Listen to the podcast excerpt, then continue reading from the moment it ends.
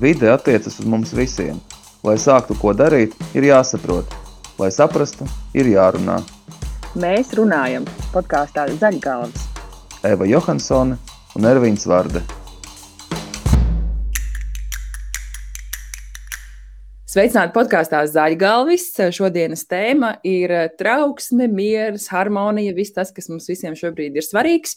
Raidījumu vadu es Eva Johansone un Ervīns Vārde. Paralēli tam, ka mums ir raidījums Latvijas televīzijā katru svētdienu 18.15 un Satori LV un LSM arī dzen daudz dažādu rakstu par vides, mākslas un cilvēku dokumentālajām tēmām. Mums ir arī šis podkāsts. Man šķita, ka podkāstā ir jāuzaicina Krista Vāvere, jo viņa diezgan aizraujoši raksta raksta e, par tādu savu pieredzi, meklējot mieru un harmoniju. Un atgādināšu, ka Krista Vāvera ir raidījuma vadītāja, autora, scenāriste un žurnāliste ar vairāk nekā 25 gadu pieredzi. Es personīgi viņu iepazinu raidījumu, raidījumā Viss notiek Hansa Medijā, bet viņa arī strādājas tādos raidījumos kā Simtgram kultūras kopā, un viņa daudz stāstījusi par dažādām sabiedrībai aktuālām tēmām. Viņa arī daudz aprakstījusi savu pieredzi, meklējot mieru un tos rīkus, kā iegūt mieru. Un, ne, atzīšos, ka nesens Kristus ieraksts Facebook bija par cilvēcisku azartu, vērojot savu miegu un skaitot soļus vietpulkstenī. Savā ziņā cilvēku labklājībai radīta ierīce, bet tomēr atkal rada informācijas žvadzināšanu. Saka, kā viss beidzās? Vai tu to vietpulksteni noņēmi, vai tomēr paturēji uz rokas? Es noņēmu un ļoti ātri uzliku uz rokas atpakaļ. Man patīk zināt, cik es nosoļoju.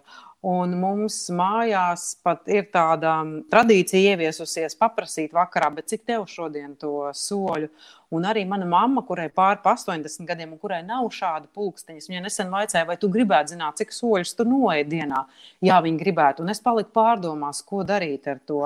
Bet, protams, tas tāds nu, simbols, tā vēlme zināt, Un kāpēc zināt ir tikpat svarīgi, vai reizēm pat svarīgāk nekā vienkārši noiet? Ja? Nu, par to var arī palikt un domāt. Bet interesanti, ka tu saglabāji to mm, vietpūksteni, jo es tieši sapratu, ka tā kaut kādā ziņā tā atkarības laika skatīties to miega kvalitāti, noiet tos soļus. Es uzreiz padomāju, cik es bieži ieskatos, jo man arī ir šis vietpūkstenis, kurus vēro, vai es pietiekami daudz kustos, dzeru ūdeni un guļu. Kāpēc tas ir svarīgi kaut kā tomēr visu laiku regulēt to, cik daudz tu kaut ko dari? Nu, es domāju, ka tas pulkstenis ir tāds pamudinājums slinkajās dienās un atgādinājums, ka paga, paga nav kaut kas kārtībā. Tu esi tikai divus kilometrus šodien nogājis, velc drēbes un ej ārā un kusties. Lai gan man tā būšana ārā un kustēšanās ir svarīga, nu pat ja arī nebūtu tā pulksteņa. Nu, man jāteic, ka tas ir arī vienkārši ērti, ka pulkstenis ir uz rokas.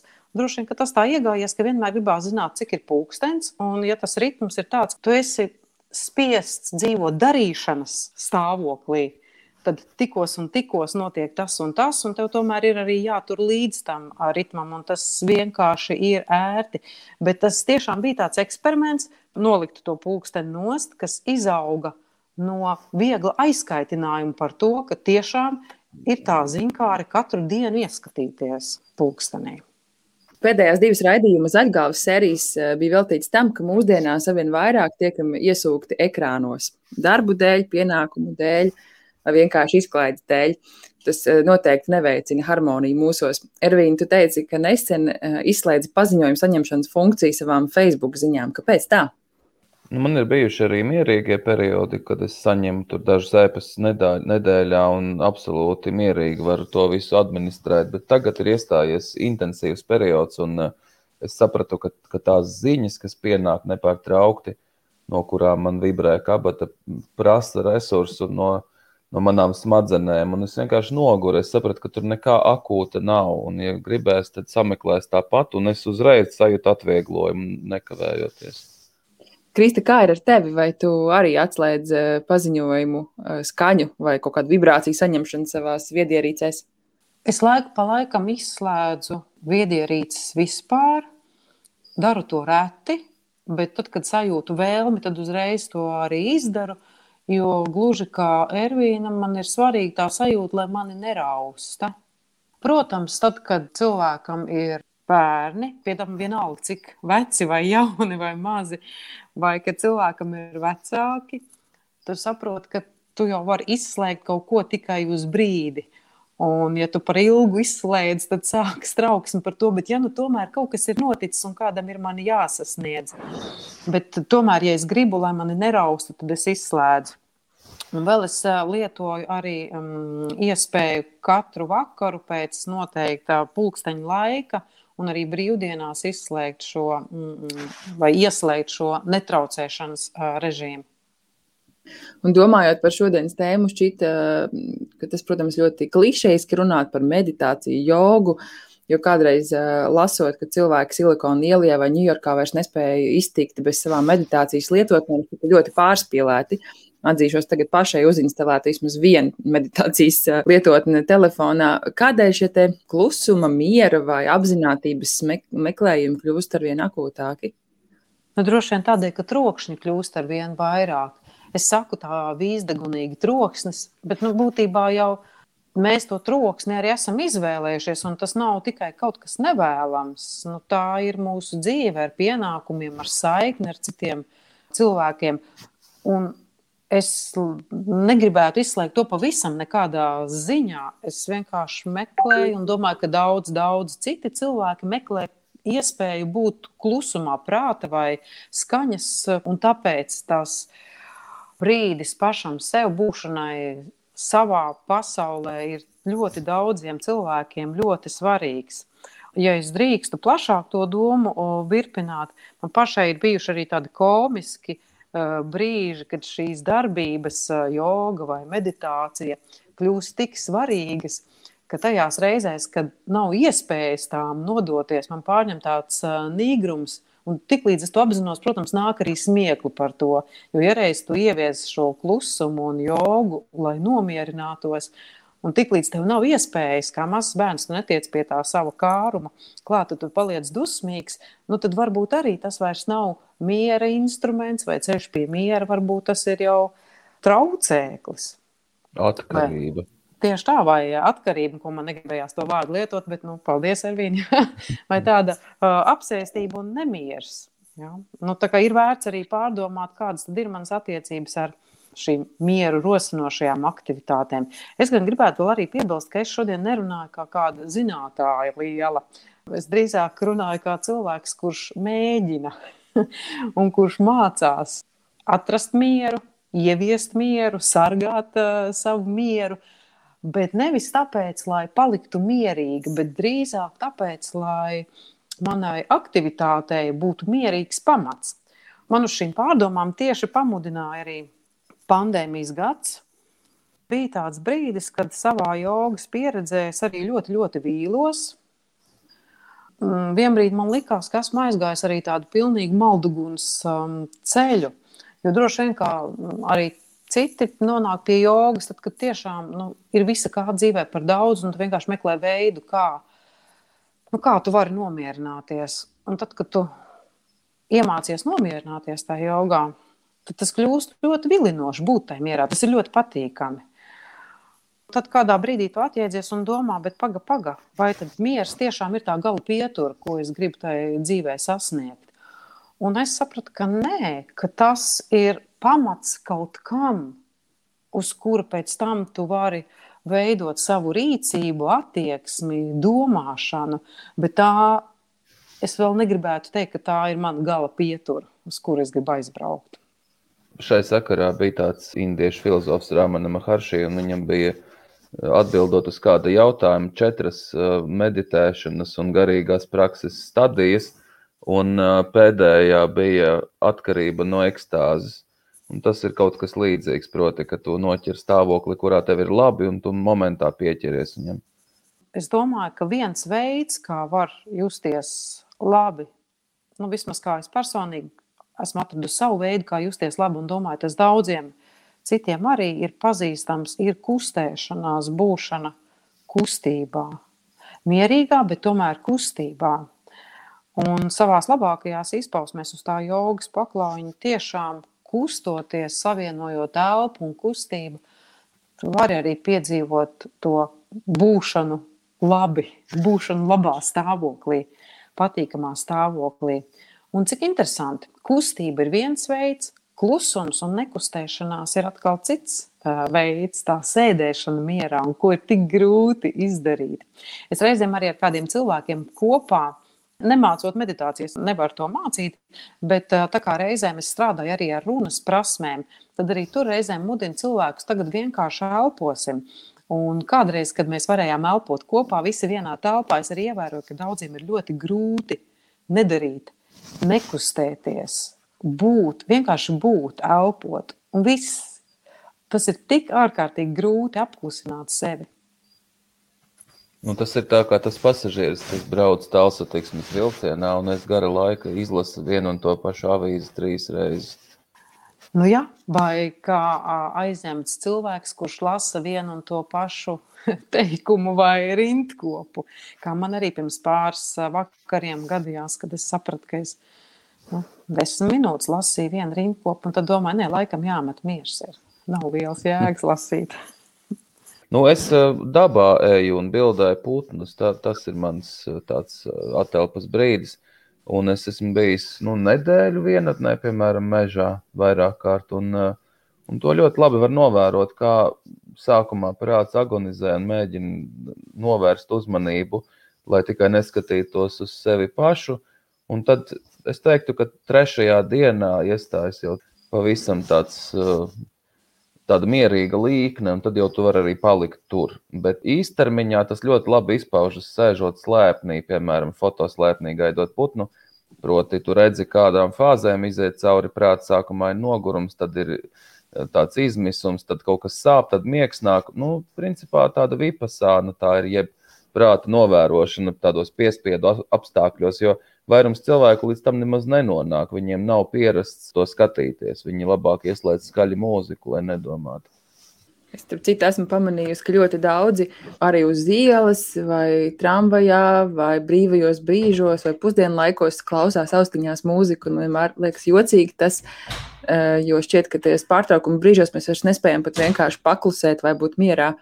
Un, uh, pirms pāris gadiem es intervēju Marinu Abramoviču, mākslinieci, un viņa teica, ka viņa bieži vien uh, tiem jauniem studentiem vai cilvēkiem, kas atnāk pie viņas un grib būt viņas, nu, piemēram, asistenti vai palīgi vai mācekļi. Pirmais viņa atņem telefonu, un otrais viņa sabar lielā tādā krūkā baltas pupiņas un uh, sarkanas pupiņas un liek viņas izšķirot. Un tad jau tas cilvēks kā, kaut kādā brīdī nonāk līdz tādai kaut kādai fāzē, kur nezinu, vai tas, ko vērojat putnus kā Ervīns, ka tu kā nomierinies, eh, padari kaut ko rokām, ar pirkstiem, tās telefons tev netraucē, un tu esi gatavs pieslēgties kaut kādam citam kanālam, tai mākslas valodai vai kaut kam citam. Eh, bet eh, man patīk tas, ka mēs jau pieskarāmies šim dabas jautājumam, jo arī tagad man šķiet, ka daudziem, kuriem ir šī trauksme, nogurums, depresija, no tās situācijas, kurā mēs šobrīd esam. Arī šis podkāstu ieraksts notiek, protams, attālināti, nav nekas patīkams un gribētu šo cilvēcisko kontaktu. Es zinu, ka šie cilvēki meklē tādu mierinājumu dabā. Viens ir tā meditācija uz jogas paklājiņa vai tāda kustēšanās mājās, bet otrs ir iešana dabā. Un ļoti labi parādījās mūsu zaļgāvi sērijā par Henriku, kurš kā redaktors lielam interneta žurnālam arī bieži vien sajūt, ka viņam ir pat daudz, kas meļās mutē, un tad viņš vienkārši brauc pie jūras, staigāt, peldēt, pelpot. Un jāsaka, ka Latvijā tā ir brīnišķīga privilēģija, ka no galvaspilsētas pār, pāris minūšu attālumā jau ir daba, tā ir jūra, tas ir mežs, vai pat pilsētā mums ir parki un meži, kā biķernieka meži, piemēram. Bet kas ir tās vietas, kur, kur jūs ejat, lai varbūt uzpildītos dabā? Man netālu ir lielie kapi, un es bieži vien eju uz lielajiem kapiem.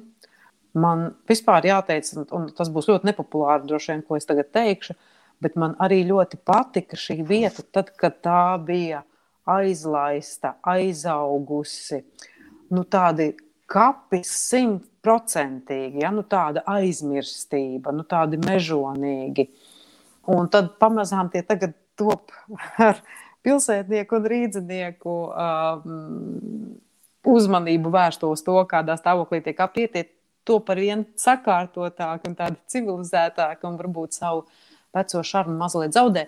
Bet uh, vienalga, nenovirzoties no tēmas, tā ir brīnišķīga vieta. Un arī pirms mūsu sarunas es aizgāju turp, jo likās, ka esmu pārāk daudz sēdējusi un stāvējusi istabā šodien runājot, un ir jāiet ārā.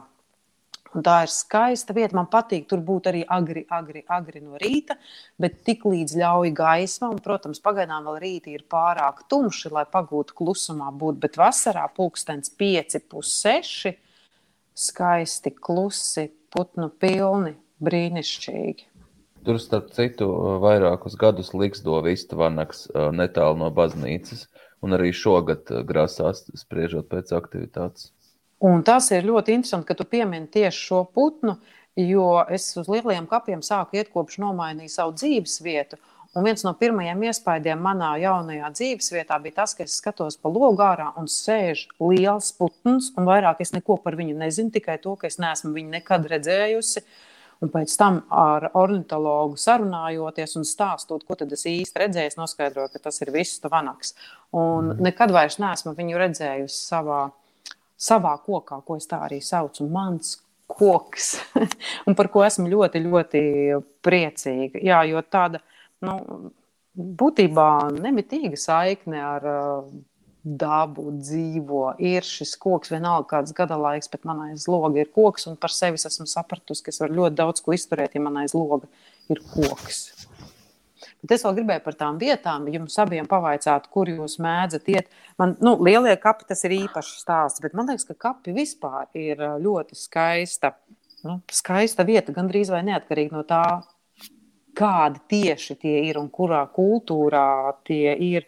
Un man liekas, vienmēr tik interesanti, ja kaut kur aizbrauc, apskatīt ne tikai celtnes, bet arī kapus un būt tajos um, kapos.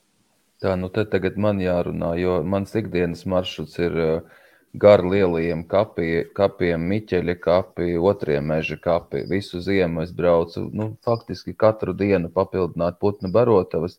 Jau vairākus gadus uh, pazīstu tur visus dzīvo, dzīvos iemītniekus. Uh, kapi savienojas tālāk ar sarkandaugavas kapiem un tad ar meža parku un veido vienu milzīgu zaļu uh, mežu. Un tie visi žogi ir nosacīti un tur dzīvo lapsas, stirnas un, uh, un uh, zaķi un vanagi un ziemā atlido apodziņš un vesela kaudze visādi putnu un dzīvnieku sugu vāveri šodien tur nobildē. Tā kā es to pilnīgi saprotu, atbalstu un tas ir pilsētniekam patiešām tāds caurlaidi uz zaļumu, plus arī mēs esam ieguvēji no šāda viedokļa, ka kapu putni un dzīvnieki mazāk baidās no cilvēka nekā pavisam, nu, pavisam biezokņa iemītnieki.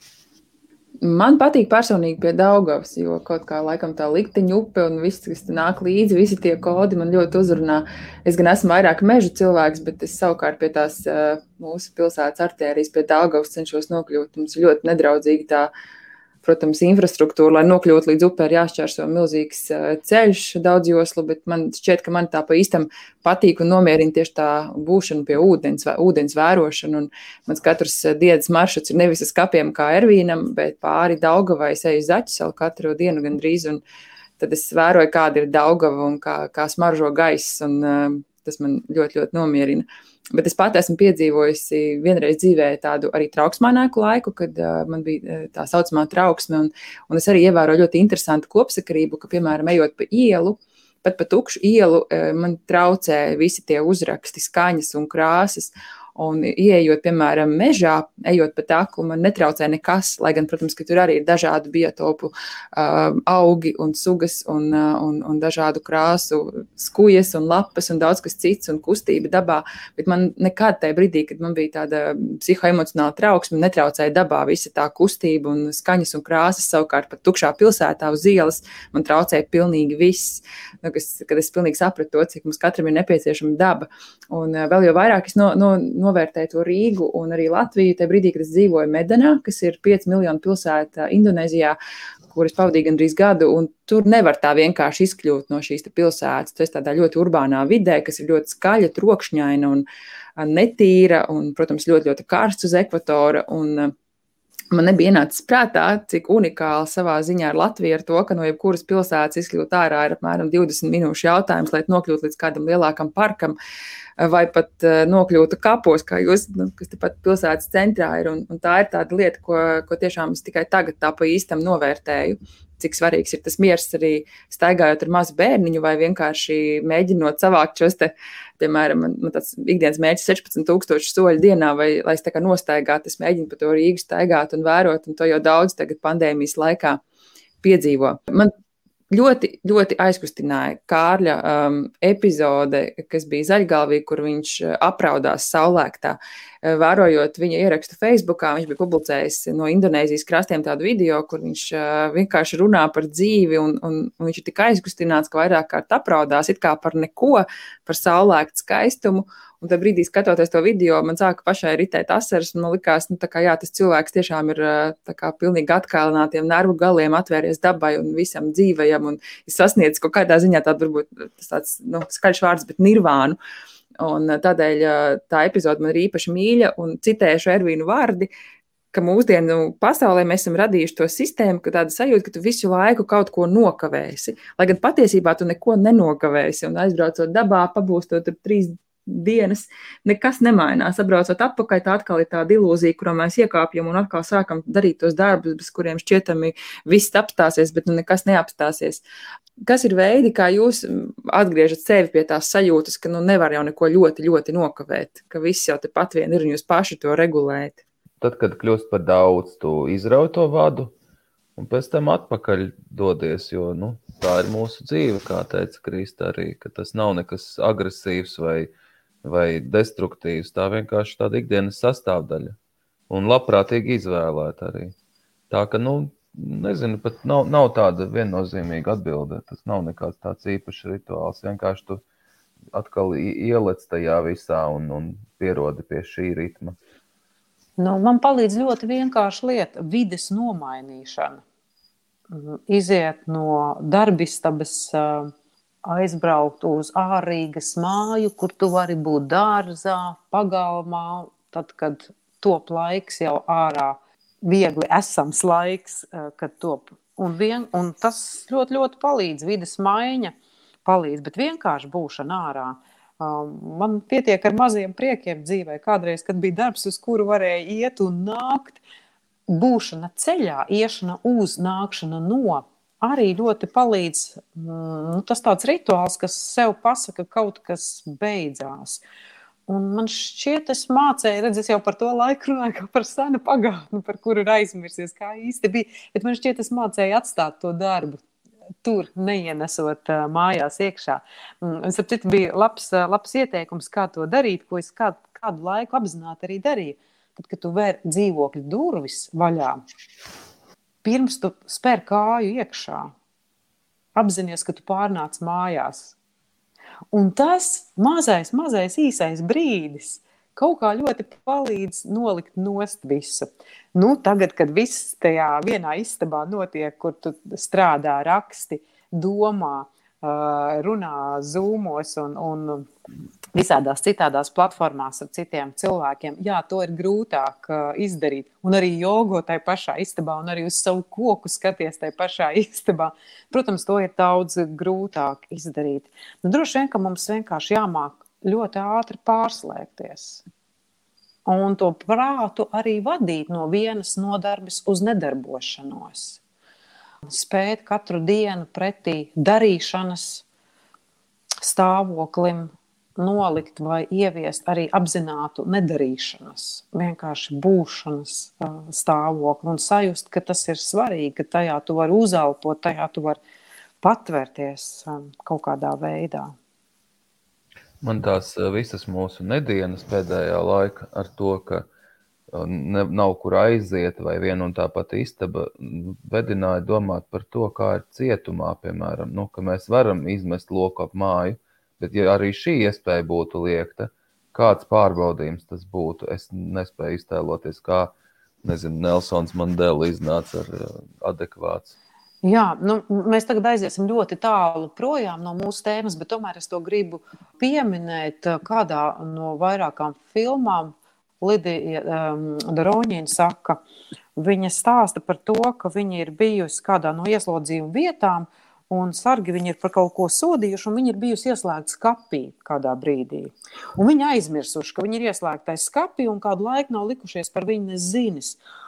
Un pretēji mūsu nu, tam instinktam teikt, ak, šausmas, un, un kā tas ir bijis, cik briesmīgi tas ir bijis. Viņa tajā pašā elpas vilcienā arī pasaka, ka viņa jutusies, beidzot, viņa jutusies nu, brīva. Vismaz tā es to stāstu, atceros to epizodi. Ja, tu vari būt viens pats ar uh, sevi. Un tiešām pilnīgi piekrītai, um, domāju, ir, ja vien mēs varam iziet ārā, ja vien mēs varam ieelpot kūstoša sniega smaržu, uh, tad jau vēl daudz kas mums ir uh, dots un nešķentēsimies par, par to, kā ir šobrīd. Bet mēs daudz par, nu, par tādiem ekrāniem un digitālo ieminējāmies, un šķiet, ka tas ir ļoti zaļš formāts, kas piesārņo uh, tikai eh, mūs, bet izrādās piesārņo arī dabu. Un, piemēram, viens ēpasts vien rada 4 gramus CO2 atmosfērā. Kāpēc tas tā ir un eh, cik tas digitālais eh, vai manuālais ir labs vai slikts, palūdzu pakomentēt Ilmāru Poikānu. Mēs dzīvojam informācijas laikmetā. Straujā tehnoloģija attīstība sniedz mums iespējas, kādas vēl pavisam nesen nebija iedomājamas. Tas rada gan jaunas izdevības, gan izaicinājumus. Latvijai kā valstī, kur galvenais resurs ir cilvēki, nevis derīgi izrakteņi, jaunās tehnoloģijas ir ideāls līdzeklis, lai izrautos uz augšu. Tas tikai jāizmanto ar prātu. Digitālā komunikācija un tehnoloģijas, protams, atstāja arī ekoloģisko pēdu. Viena no lielām problēmām, ko rada tehnoloģijas, ir īsais elektronisko ierīču lietošanas laiks, Tas rada milzīgu daudzumu kaitīgu atkritumu, kas bieži nevis tiek pārstrādāts vai nonāk eh, specializētās izgāstuvēs, bet vienkārši tiek izmests trešās pasaules valstīs, kur saindē vietējo dabu. Eh, te gan jāsaka, ka laikam ejot tiek ieviestas mazāk kaitīgas tehnoloģijas, kas eh, samazina vai vispār izslēdz kaitīgo ķīmisko elementu klātbūtni elektroniskajās ierīcēs. Otrs aspekts, kā samazināt elektronisko ierīču, ierīču atkritumu apjomu, ir lietot tās ilgāk, nevis, eh, piemēram, katru gadu skriet un pirkt pašu jaunāko mobilo telefonu, lai gan tos pašus mobilos telefonus var eh, mierīgi lietot gadiem ilgi. Arī daudzus gadus vecus datorus ir iespējams izmantot varbūt eh, vienkāršākiem uzdevumiem. Uh, ir arī aplēses, ka datu centri patērē apmēram 1% no visas patērētās elektrības. Uh, ir aplēses, ka visi mūsu gadgeti, internets un atbalsta ierīces rada 4% no ogliskābās gāzes izmešiem. Um, taču paskatīsimies, kā tehnoloģijas palīdz samazināt izmešus. Aizvien vairāk lietu var paveikt digitālā formā, piemēram, izslēdzot papīra izmantošanu un attiecīgi meža izciršanu. Ir iespēja strādāt attālināti, samazinot transporta izmešus un tā tālāk un tam līdzīgi. Pie tam tehnoloģijas ar laiku kļūst aizvien efektīvākas. Ar vienu enerģijas vienību tiek paveikts vairāk un vairāk darba. Lai samazinātu tieši CO2 izmešus, jāoptimizē tās sfēras, kurās ar mazāk ieguldījumiem to var izdarīt visvairāk.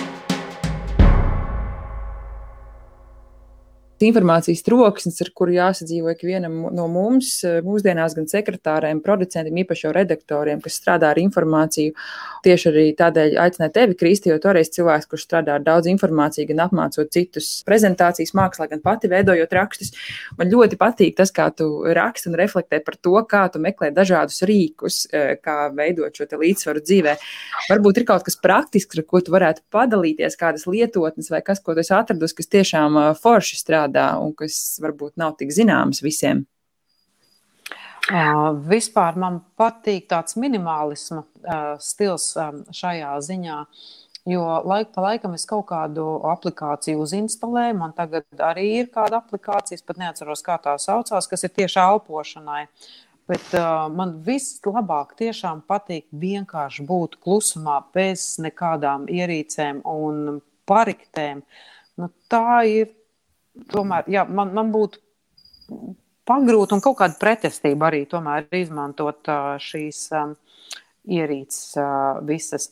Un redz, tad, kad bija jāraksta tie raksti, ir brīvdienām žurnālam, kuram man pašai ļoti, ļoti pietrūks ne tikai kā lasītājai, bet arī kā rakstītājai, jo tur bija reizes trīs mēnešos jāiedziļinās uh, kādā tēmā.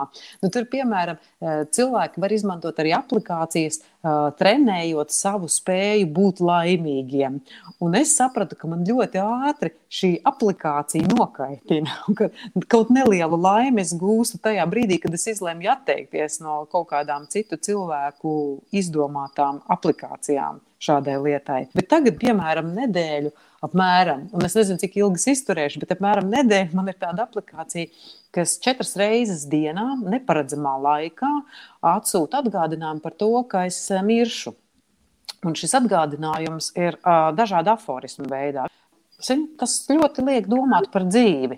Un pagaidām es šo aplikāciju vēl kaut kādā veidā izturu. Vienīgais, kas man nepatīk, ir tas, ka tā strādā arī tad, kad tālrunis ir lidmašīnas režīmā. Un tad gan man liekas, ka kāds ienāk manā istabā, kad es esmu durvis aizvērus un esmu gribējis, lai neviens tur uh, nenāk. Bet nu, ar to nāvi jau laikam ļoti līdzīgi ir, ka tā arī nāks manā istabā, tad, kad es negribēšu, lai tā nāk. Bet tas tāds amizants uh, nieks, jā, ja patīk uh, aforismi. Vai tev ir savas aplikācijas? Um, es nelietoju uh, īsti nekādas aplikācijas, jo man arī patīk šis miers, ka man neviens netramda. Man šķiet, ka man noteikti ir pa daudz dažādu citu lietotņu, kas ir tai komunikācijai. Un uh, tas, kas man šķiet tiešām kaitinoši ikdienas darbā, ir tas, ka es nezinu, kurā kanālā es esmu ar kuru komunicējis. Jo daļa cilvēku ļoti aktīvi raksta Facebook, daļa cilvēku WhatsApp, daļa Telegram, daļa īsiņās, kāds vēl e-pastā. Un tad es saprotu, ka man pavisam sajūta galva, jo no visām pusēm nāk šīs ziņas, un ja ātri kaut kas jāpārvalda, vai, piemēram, piekdien producēja kultūras ziņas, un tad ziņu dienestā strādājot ar to informācijas apjomu un saprotot, kurā no kuriem e-pastiem kurš kaut ko ir sūtījis, vai uh, kuram tagad jāzvan, un kur tas numurs bija WhatsApp vai Facebook. Un tad es sapratu, ka tas ir kaut kāds arī tāds lietotņu uh, multitaskings, un man arī patīk, man maksimāli tīrs e-pasts un telefons no visa. Un es esmu mēģinājusi miervidu aplikāciju meditācijai, bet uh, ātri vien man apnika. Es kāds divas reizes izmēģināju, tad es sapratu, ka man daudz vieglāk ir tādā pašai klusumā. Man nevajag to balsi, kas mani vada. Un uh, tas, kas man šķiet komiski, ir tiešām tas, ka man savukārt, savulaik atceros, teiksim, skatoties filmu, Ēd Lūdzies mīli vai citas filmas, likās, nu, kā, nu, kas tas tāds par joku, ka cilvēkiem vajag tos kočus un jogas un vēl daudz ko citu, jo viņi nespēja savu dzīvi pārvaldīt. Bet kaut kur es saprotu, ka mēs tā lēnām esam kaut kur arī tā kalnā uzkāpuši, ka, ka viss ir tik daudz un intensīvi. Es arī pagājušo gadu gavēju, gavēju laikā no Instagram. Man ļoti patika tas, ka es sapratu, man vispār viņš nav nepieciešams. Un uh, es par to arī uzrakstīju satoriju rakstu, jo man tas lielākais pārsteigums bija par to, ka man, man šķita, ka esmu atkarīga no šī tīkla un izrādījās, ka pavisam nē. Un tas arī parāda to, cik tā iluzora tā visa tā pasaule, kas tiek uzbūvēta ap šīm lietotnēm un to kaut kas ir stilīgs. Un, starp citu, esmu noturējusies un neesmu iegājis tajā clubhouse, kur uh, tagad tā modīgākā lieta, kur visi ir un diskutē, jo es saprotu, ka man vēl vienu sociālo tīklu uzkraut saviem pleciem ir galīgi neliederīgi ar tiem sociālajiem tīkliem un mūsu lielo saziņu sociālajos tīklos ir tā, ka mēs pat paši neapzināmies un nejūtam, cik lielā mērā tie mūs ietekmē. Bet, piemēram, komunikācijas jomā uzskata, ka mūsu pieredze sociālajos tīklos ietekmē arī mūsu runas veidu un mūsu izvēli saziņā. Vai mēs kaut ko teiksim, vai mēs neteiksim. Un arī šī attālinātā saziņa ir tāda teorija, ka ietekmē arī mūsu runu, vārdu izvēli. Un tas taču ir kaut kas, par ko mēs ikdienā vispār nedomājam. Mums vienkārši vajag sazvanīties, mēs sazvanāmies un mēs runājam.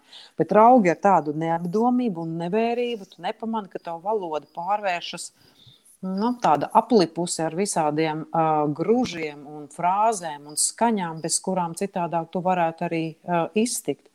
Un vēl reaģējot uz to, ko tu sacīji, tad, kad viss tas vīrus būs nolikts pie lietas, tad mēs varēsim sākt stāstīt atkal, cik labi, ka notika tas un tas, mēs ieguvām to un to. Varbūt vēl ir par āgru, bet tomēr man šķiet, ka viens iegūms ir tas, ka mēs saprotam, ka bez daudz kā var iztikt un mēs labāk arī saprotam, bez kā es negribu iztikt, kas man tiešām ir svarīgs. Un ne tikai tādā priekšmetiskā ziņā, bet arī darīšanas un nodarbju un um, attiecību un vērtību uh, ziņā. Un droši vien, ka miera apstākļos tādu inventarizāciju būtu daudz grūtāk uh, izdarīt. Man šķiet, ka šajā laikā, kad, kurā mēs atrodamies šobrīd, tā kā šis arī vidas podkāsts un vidas raidījums, man ļoti patīk tas, ka cilvēki ar vien vairāk dabu novērtē.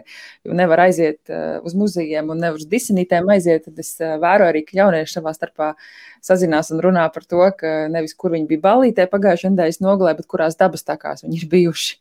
Un, un tā izpratne par to, cik būtiski tā daba mums ir, tas man tiešām iepriecina, jo es domāju, ka īpaši jau jauniešiem tas šķiet kaut kas pašsaprotams, un tagad daudz novērtē, jo tā ir vienīgā vieta vai zona, kur mēs varam aiziet un attelpoties un atpūsties un papriecāties un izklaidēties. Un tas tā kā tā ir kļūst par tādu zonu, kur mēs visi iegūstam. Un es domāju, ka tajās valstīs vai pilsētās, kur tā daba nav tik pieejama, vakar skatījos, kā, kā piemēram Nīderlandē, viņiem ir uztaisīti tādi tā kā piknika laukumi pilsētā, lai atbalstītu vietējos uzņēmējus ārā, ārā, ārā telpās. likās, nu, kā, jā, tur ir tik pārpildīts ar cilvēkiem, tik blīvs un divi koki uz to visu ielu. Tad es sapratu, ka mēs esam tik ļoti, ļoti privileģēti dzīvot šādā vidē, un uh, tas ir mans lielākais prieks. Bet tev ir prieks, Ervīna? Nu, jā, protams, nu es taču nu, kapos uh, ikdienas, nu labi, ne katru dienu, bet bieži vien pavadu vairākas stundas viens pats ar sevi, ja izdodas. Un, nu, es bez tā īsti vispār nevarētu vairs iztikt.